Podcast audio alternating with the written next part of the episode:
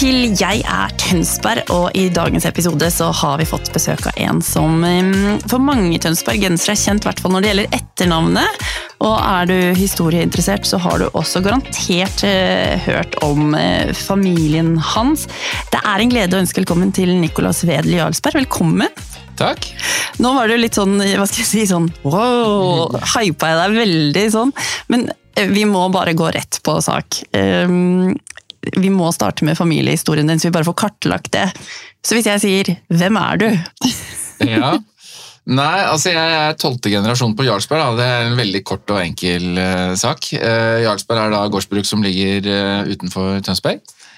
Um, og så er det egentlig veldig fort gjort å rote seg bort i den historien, for den er ganske lang, og det er ganske mange av mine forfedre da, som har bemerket seg i i, i nasjonsbyggingen, og før det òg. Så, så, det er Ja, det er litt hvor begynner vi og hvor slutter vi, så det kan bli en lang pod. Men hvis vi, sånn, hvis du skal nevne to viktige ting i familiehistorien, da? Ja, altså Han som kjøpte Jarlsberg, han, han, var en av disse superkrigerne til danskekongen, som da gjorde seg styrtrik på slagmarken, og deriblant var med på å stoppe den islamske invasjonen i, i Wien i 1664. og Da fikk han da en såpass stor stjerne da, hos kongen at han fikk lov til å kjøpe Jarlsberg grevskap. Og da ikke bare fikk han kjøpe grevskapet, men han ble opphøyet fra baron til å bli lensgreve. Så da stanget han i det berømte glasstaket, og så kunne han ikke å si, bli noe mer verdt. Og Det sies at det var derfor han kjøpte Jarlsberg så dyrt også, for dette var jo bare en steinrøys oppe i Norge. Oh, ja. Så fysj av meg. Da ble han også øverstkommanderende for for de stående styrker da i Norge. Så det var ja, det var på en måte litt sånn fornuft oppi dette her òg, da. I og med at han da fikk den stillingen, så måtte han liksom ha eiendom i Norge også. Det var jo sånn man hadde det på 1600-tallet, tydeligvis. Mm. ja, og så er det kanskje da også verdt å nevne Herman, som var med på Eidsvoll i 1814. Som var jo en av de store arkitektene i forhold til det hva skal vi si, litt mer frie Norge. da. Så Han konspirerte jo mot da danskekongen og, og sørget for at den, den, grunnloven som ble vedtatt, fikk en mye friere stilling i forhold til da eh, unionen med Sverige. Mm, eh, han ble da vår første statsminister, og for så vidt da også stattholder senere. Eh, så skal det sies da at svigerfaren hans, da altså Herman var min sjette tipp, svigerfaren hans var da min syvende tipp. Han var da Norges første statsminister som satt i Stockholm og het Peder Anker. Ja. ja. Så det er liksom disse veldig markante, store, store skikkelsene. Ellers er det mye krydder inni, innimellom. Ja, ja, men det blir en egen podkast. Ja. ja, men det, jeg gleder meg til det nå, kjenner jeg. Mm. Men da, det er jo klart at det er mye historie knytta til deg og din familie. Og da jeg var liten, så var det sånn ja, på Jarlsberg hovedgård, der bor greven. Men du er jo ikke greve, du? Nei, altså det var samme, samme Herman da, som, som, ønsket at dette, dette, lovverket om adel at det skulle ut av Norges lover når det ble vedtatt da på Eidsvoll i 1814. Men så var det da at kong Karl Johan han nektet da det. Så kongen kan jo nekte tre ganger, men hvis Stortinget fortsatt mener at sånn skal loven se ut, så må da kongen vike. Og Sånn er reglene den dag i dag. Så Dermed så ble ikke adelsloven tatt ut av lovsamlingen før i 1821. Eh, så fra og med 1821 så har ikke min eller noen andre familier hatt lov til å eh, bruke adelsbegrepene. Men så var det de som allerede var født, da. Eh, så, så den siste greven på Jarlsberg han dør i 1893. Så, en stund siden. Ja, så, så, men allikevel, det er en stund siden. Men jeg blir jo fortsatt kalt greven innimellom, ja. ja men du er egentlig Ja, eh, tittelen i dag er da stamhusbesidder. Ja. ja. for eh, Jarlsberg er da organisert som et stamhus, og det er et av Norges eh, ja, få gjenværende stamhus. Mm. Hva vil det si? Nei, Det vil egentlig si akkurat det samme som alle andre norske gårdsbruk, nesten. Mm. Eh, om at uh, dette er noe som skal ta vare, tas vare på som én en enhet og gis videre til neste generasjon i bedre stand. Mm. Men så er det da liksom understreket litt da ved at jeg har ikke lov til å selge. Eh, Jarlsberg er ikke mitt. Det er en selveiende eh, stamhus. Um, så når jeg selger noe, så går det inn i en Så jeg må jo det. Av og til så kommer det en jernbane eller en vei eller en gassledning eller et eller annet. Og da putter vi de pengene inn i en, en kapital som jeg bruker til å kjøpe ny eiendom for, Ja. eventuelt. Um, um, og, og da er det da sånn at jeg kan ikke dra til Hawaii og surfe for de pengene, eh, for det er da Jarlsberg sitt. Mm. Og det blir da gitt videre til neste generasjon. Og så hvis som at det er som at det ikke er noen eh, flere som ønsker å, eh, i min familie som ønsker å drive Jarlsberg, så er det da fastsatt i loven at det er Universitetet i Oslo som skal arve det. Så jeg oh, ja. kan ikke selge, selge det fritt. Jøss. Det visste ikke jeg. Nei, det er en ganske sær, liten rar lov, da. Ja. Mm. Men så, så for deg så var det alt eller ingenting, på en måte, da, når du skulle velge din vei? Ja, nå fikk ikke jeg så fryktelig mye valg, egentlig, da. så det, var jo, det var jo sånn det var. Men, men Jarlsberg tar man ikke stykkevis og delt. Det er enten-eller, ja. Så nå driver jo du med jordbruk, da, blant annet. Ja. Eh, For jeg var jo så heldig at jeg fikk lov til å komme opp og se hva du gjør, eh, litt i løpet av en arbeidsdag. Eh, Og det er, det er mye å holde styr på. Hva er det du egentlig gjør? Nei, altså Vi har vel egentlig en veldig enkel og sånn oh, ja. produksjon. eh, fordi at vi, vi har ja, vi har det vi kaller da for treskbare avgrøder. altså vi, Det vi kan dytte gjennom en skurtresker, det dyrker vi. Eller kan vi dyrke, i hvert fall. da. Så det er i utgangspunktet da bare planteproduksjon. Eh, Og vi, hvis vi summerer opp sånn altså Regner det litt om, da, eh, så, så, så dekker vi ca. melforbruket til eh, 27 000 mennesker i året. Altså om du spiser da bagett eller pizza eller brød eller hva det nå er da, men melkeforbruket, det dekker Jarlsberg eh, sin produksjon i dag. Det er klart, sånn ble det ikke i år. Eh, Vi har hatt en ganske skrukete, skrukete år i landbruket i år, men, men eh, et normalår så gjør vi det. Men så er det sånn at vi kan jo ikke bare dyrke hvete. Så vi må dyrke litt forskjellig. Men det var bare for å lage et bilde på det, så, så har vi gjort det regnestykket. Da. Og det er jo for så vidt interessant i seg selv. Og det er jo også derfor Tønsberg som by ligger der det ligger, fordi at dette omlandet da, som jeg er heldig å få lov til å drive landbruk på, er så fruktbart. Sånn at det kunne da brødfø hele byen og befolkningen på, også på fjellet. Mm. Ja. Ja, for det var det jeg skulle til å spørre om. Hvordan er det liksom Fordi hvis man ikke har vært i Tønsberg før, da, så er det jo sånn Du har byen, og så ser du nesten rett på Jarlsberg hovedgård. Du føler at det ligger veldig, veldig nærme sentrum. Du tenker ikke at det er sånn typisk gård opp på landet typ. Hvordan Nei, altså, er det? jeg sykler jo til byen på ti, ti minutter, kvarter kanskje. Ja. Mm, så ja, det er ikke så langt unna, nei. Nei? Nei, altså Det er jo på godt og vondt, det. da. Og, og det er jo for så vidt det andre benet vi står på, det er eiendomsutvikling. Mm. Eh, og det er klart at vi, eh, Hvis vi hadde ligget langt på landet, så hadde vi ikke hatt det benet å stå på i det hele tatt. Så mm, Nei, det er et litt sånn vanskelig spørsmål, fordi det er jo veldig mange som ønsker og mener og, og, og vil veldig mye rart med den eiendommen som jeg da driver. Mm. Og så er det å forsøke å finne en sånn passelig balanse, da, som vi også er enig i. Mm. Men eh, stort sett så går jo det veldig, veldig bra, og jeg får veldig mye hyggelige tilbakemeldinger de årene hvor på åkrene ser flotte ut, spesielt når rapsen blomstrer. Da får jeg mye hyggelig melding. Altså. Det er veldig, veldig gøy. I år så har den rapsblomstringen den har vært litt lurvete. Nå fikk vi til med en sånn tredje generasjon som begynte å blomstre nå etter sommerferien, og det var litt rart. Men ok. så det har ikke vært et helt normalår, med andre ord? da? Nei, vi hadde en veldig tøff vinter som ødela veldig mange planter, og så hadde vi en veldig tørr vår. Eh, som da forsinket eh, og, og også tørket ut eh, en del planter. Og så kom sommeren da, med masse fuktighet, og dermed så spirte og gror alt ugraset som får plass innimellom der hvor det har tørket ut eller vintret ut. Eh, og de frøene eller plantene som da ikke liksom har brukt opp all kraften sin på å spire, de finner ut at nei, nå skal vi i hvert fall spire. Så det, det har vært et litt spesielt år, ja. Men det er jo sånn eh, Du driver jo da Du sier jo eiendom og jordbruk. Og du har jo, sånn jeg har forstått, også tatt i bruk en del teknologi. Altså ting er jo annerledes enn det det var for en del år siden. Hvordan, hvordan er det å drive nå sånn som du gjør i Tønsberg? Er det noen utfordringer ved det, hvis du ser bort ifra at det har vært et litt sånn spesielt år klimamessig? Nei, altså akkurat det å, å drive i Tønsberg vil jeg ikke si er noe, egentlig noe sånn jeg, jeg, jeg tror ikke det har stor betydning om vi ligger i Tønsberg eller på Hedmarken, for å si det sånn.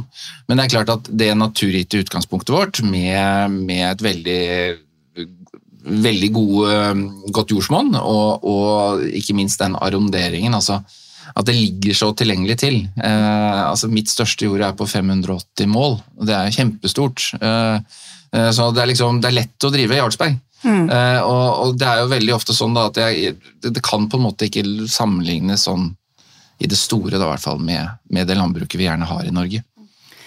Men du driver også med eiendom. Ja. Kan du kort bare fortelle hva du gjør der òg? For det virker som du har, da har du jo mye å holde på med? Ja da, jeg er så jeg, har, jeg, jeg, er ganske flink til å sette i gang meg selv. Men nei, altså i utgangspunktet så er det veldig mange festetomter som har ligget historisk under gården. Um, og deriblant også boligtomter, uh, skoler, uh, alt mulig rart. Og nettopp fordi at da Jarlsberg ikke kan deles, uh, så blir det da festet bort isteden. Um, nå har det også blitt en uh, lov de siste årene om at boligeiendommer kan uh, løse inn. Uh, de, kan, de, kan, da få et, betale seg ut av feste, festeregimet. Og Dermed så har det også kommet en del penger inn, og, og, og det er litt sånn, den, den porteføljen da festetomter har blitt litt færre, eller ganske mye færre. Gått fra 220-240 og ned til 160. og Dermed så var det også interessant å se på ok, hva, hva skal vi gjøre? Så, så, ikke bare da å leie ut grunnen i bunn, men da at vi også har tatt uh, litt mer ansvar for hele eiendomsutviklingsbiten. Da. Mm. Uh, og har bygget bygg og leier ut, og også ting som ble altfor stort for at jeg kunne håndtere helt selv, så jeg måtte finne noen medinvestorer, og ja, hele det, det løpet der. Så, så, det er jo noe som vi nå har liksom eh, litt uh, erfaring med og litt fart på. Mm. Så, så det, det, er også en bit av det. Ellers er det jo tradisjonelt veldig mange hus og, og, bygninger som vi har leid ut av til eksterne, som vi ikke bruker selv. Mm. Men Du har jo da en veldig rik familiehistorie fra Tønsberg. og jeg regner med at da, eh, Tønsberg betyr sikkert litt ekstra for deg også, sånn, med tanke på den lange familiehistorikken her. Er, hvor tenker du at Tønsberg er på vei? Ja, det er et godt spørsmål. Um, jeg tror noe av det som er fint med Tønsberg by, og som, som holdt på å si kanskje jo, både familien og spesielt landbruk skal ha litt av æren for, da, det er litt den derre den landsbyeffekten som Tønsberg har. At det er en ganske tight uh, sentrum. Det er, en, det er, en, helt tydelig avgrenset by, i hvert fall mot nord og mot vest. Hvor, hvor liksom, det er ikke noe tvil om hvor byen begynner og hvor landet begynner. Eh, og og det gir en egentlig ganske effektiv kjerne. Eh, det gir et eh, en litt kulere by enn en sånn der eh, paddesak som vokser ut i alle retninger, og som er litt sånn verken fugl eller fisk. Hvor Tønsberg er på vei hen? Jeg tror at veldig mange er enig med meg etter hvert om at det der med by var en veldig god idé. Vi har brukt en del tusen år på å finne ut av det, men men at vi skal ikke ese utover alle mulige naturområder eller landbruksområder. Vi skal holde oss i byen. Og så må vi heller akseptere at der må vi bygge litt. da. Der må vi litt opp. Og det er vel en vind som jeg føler at uh, har uh, Ja, den har kommet litt for å bli. Og jeg, jeg, ser jo det på Det er veldig mange områder i Tønsberg som trenger en, uh, trenger en ny start, og som godt kunne skjedd noe. Og så må vi hele tiden ha det i bakhodet om at Tønsberg er en historisk by, og at vi trenger å ta vare på de historiske linjene for at den også skal bli fin i fremtiden. Ja, så ja, det er jo Skal du ta litt grep rundt det, kanskje? Nei, ja.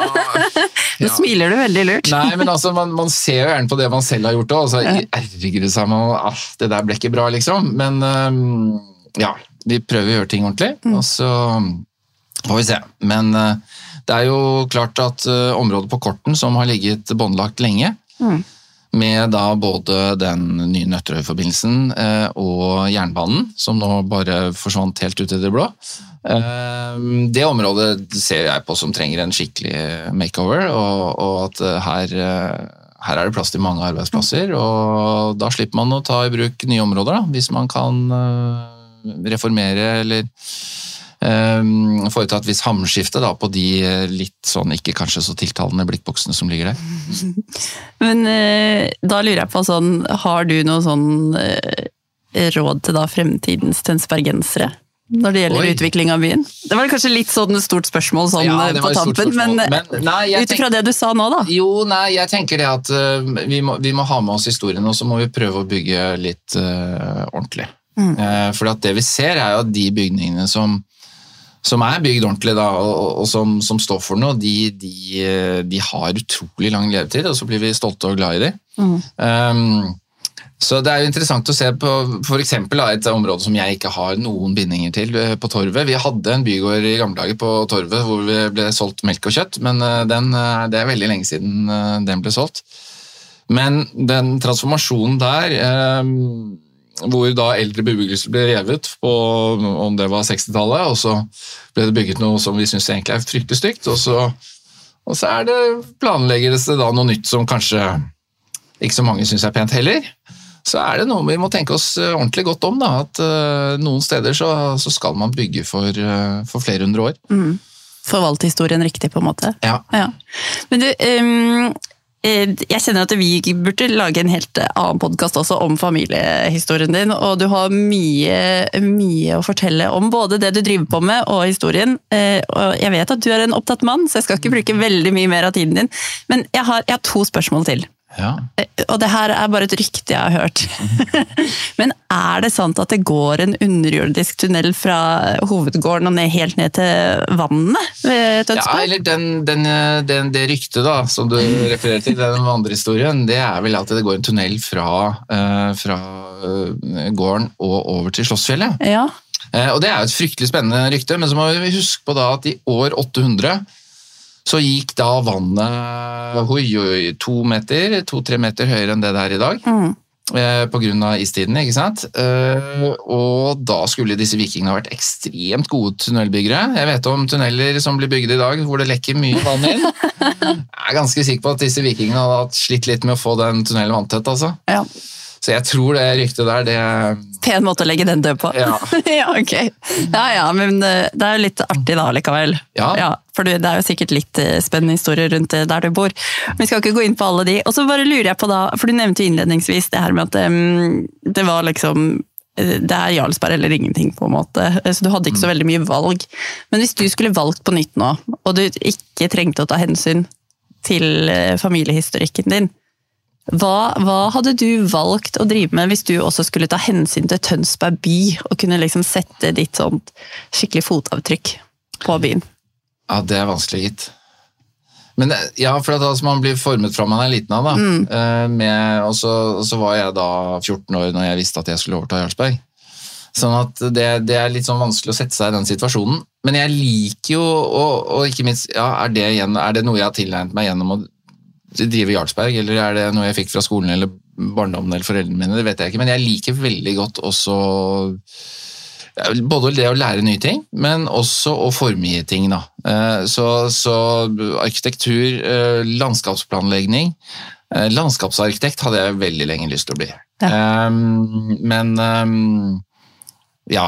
Men å drive altså Det er jo veldig i den gaten jeg holder på med. Ja, det er jo det! Jeg skulle til å si det! Det gjør jo litt av det samme så det er liksom vanskelig å si om det er noe jeg er formet, eh, formet eh, som, eller om det var ja, Nei, jeg vet ikke. Men jeg utdannet meg som økonom, da, selvfølgelig. Ja. Sånn at eh, det, det ble liksom ikke noen av de fagene. Men så har jeg gått på Steinerskolen, altså jeg elsker jo å tegne og, og holde på sånn fortsatt. Så kan du gjøre litt på hobbybasis. Det blir veldig hobbybasis, men uh, det blir jo noen tegninger ut av det. Ja, ikke sant? Det er Ja. Spennende. Du får starte en sånn utstilling da, vet du. Ja, nei, det tror jeg ikke. Det tror jeg vi skal få bli i min skuff. Ja, ok. Ja. Men du, Nicolas, tusen takk for at du tok deg tid til å komme til Jeg er Tønsberg, og la oss få lov til å bli litt bedre kjent med deg og det du holder på med. Eh, og så blir det spennende å se da, om kanskje det blir en utstilling i fremtiden allikevel. Takk for at jeg fikk komme.